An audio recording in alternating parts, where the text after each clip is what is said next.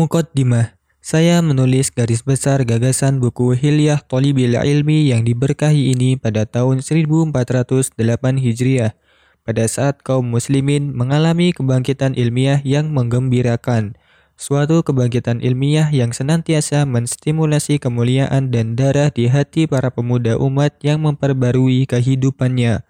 Ketika itu, kita melihat begitu banyak kelompok pemuda yang silih berganti datang dan pergi ke berbagai majelis ilmu, memikulnya dengan susah payah dan meregutnya, dengan semangat dan kesungguhan luar biasa dalam mengkaji secara mendalam berbagai persoalan pelik. Semua itu menimbulkan kegembiraan di hati kaum muslimin karena berharap akan kejayaan. Maha suci Allah yang menghidupkan dan mematikan hati. Namun, benih yang diberkati ini harus disirami dan dirawat dengan menebarkan pagar-pagar pengaman untuk mencegahnya tergelincir dari persimpangan jalan pencarian dan pengamalan ilmu karena hempasan gelombang pemikiran, keyakinan, perilaku, sektarianisme, dan fanatisme golongan. Kehadapan para pemuda penuntut ilmu ini telah saya sajikan sebuah buku yang berjudul At-Ta'alum, yang mengungkapkan keberadaan para infiltran di tengah-tengah mereka karena kekhawatiran jangan-jangan para infiltran ini membinasakan mereka, menyia-nyiakan urusan mereka, dan mengacaukan perjalanan menuntut ilmu mereka sehingga menyimpaikan mereka tanpa mereka sadari. Hari ini, saudaramu ingin menompang bahumu dan membimbing tanganmu. Kusuguhkan sebuah buku yang memuat ciri khas perhiasanmu. Inilah aku, sedang menggoreskan mata pena di atas kertas. Kiranya engkau sudi membaca apa yang kutuliskan ini. Semoga Allah memberimu kebahagiaan. Banyak alasan syar'i mengapa berhias dengan adab, akhlak, perilaku, dan sikap yang mulia itu karakteristik orang Islam serta bahwa ilmu itu merupakan mutiara paling berharga di mahkota syariat yang suci ini, tidak mungkin dicapai oleh mereka yang berhias dengan adab-adabnya dan bersih dari penyakit-penyakitnya.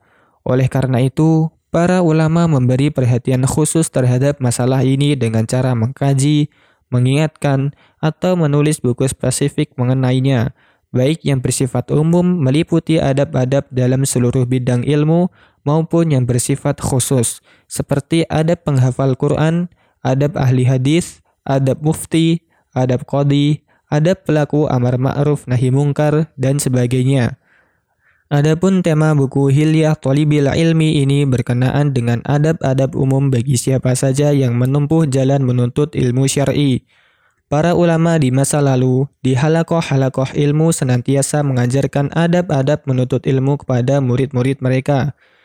Di akhir dekade ini, saya mendengar berita mengenai hal itu dilakukan di beberapa halakoh ilmu di Masjid Nabawi, di mana beberapa guru di sana mengajarkan buku karya Zarnuji yang wafat tahun 500-903 Hijriah rahimahullah yang berjudul Ta'limul Muta'alim Tariqat Ta'alum kepada murid-murid mereka.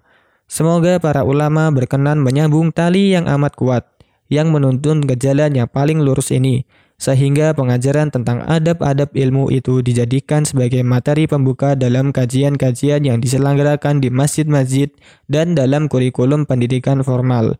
Saya berharap penulisan buku ini menjadi pelopor kebaikan yang mengingatkan urgensi dihidupkannya materi yang akan membangun karakter kepribadian penuntut ilmu ini dan menuntunnya berjalan di atas adab-adab dalam menuntut dan mengemban ilmu, baik itu adab yang menyangkut diri sendiri, guru, pelajaran, teman, buku, buah ilmunya, dan seterusnya dalam seluruh tahapan kehidupannya. Inilah buku Hilyah yang menjelaskan sejumlah adab penuntut ilmu sekaligus sejumlah penyakit yang menjadikannya kebalikannya. Apabila sebagian adab ini terabaikan, maka yang mengabaikan itu pasti sedikit banyak terjerumus dalam sebagian penyakitnya. Hukum adab-adab ini bertingkat-tingkat dari yang sunnah hingga wajib. Begitu pula hukum penyakit-penyakit yang berkebalikan dengannya bertingkat-tingkat dari makruh hingga haram. Sebagian adab tersebut berlaku umum bagi seluruh manusia dan mencangkup semua mukalaf. Sedangkan sebagian lagi berlaku khusus bagi penuntut ilmu. Sebagiannya diketahui berdasarkan perintah syariat dan sebagian lagi diketahui berdasarkan naluri dengan dikuatkan oleh prinsip-prinsip syariat secara umum yang menganjurkan perilaku baik dan akhlak mulia.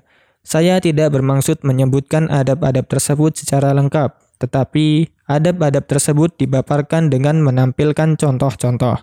Tujuannya agar contoh-contoh tersebut bisa menjadikan petunjuk untuk memahami berbagai adab penting lainnya. Jika diterima oleh jiwa yang tepat, niscaya yang sedikit itu akan diterima lantas diperbanyaknya, serta apa yang masih global itu akan diperincinya.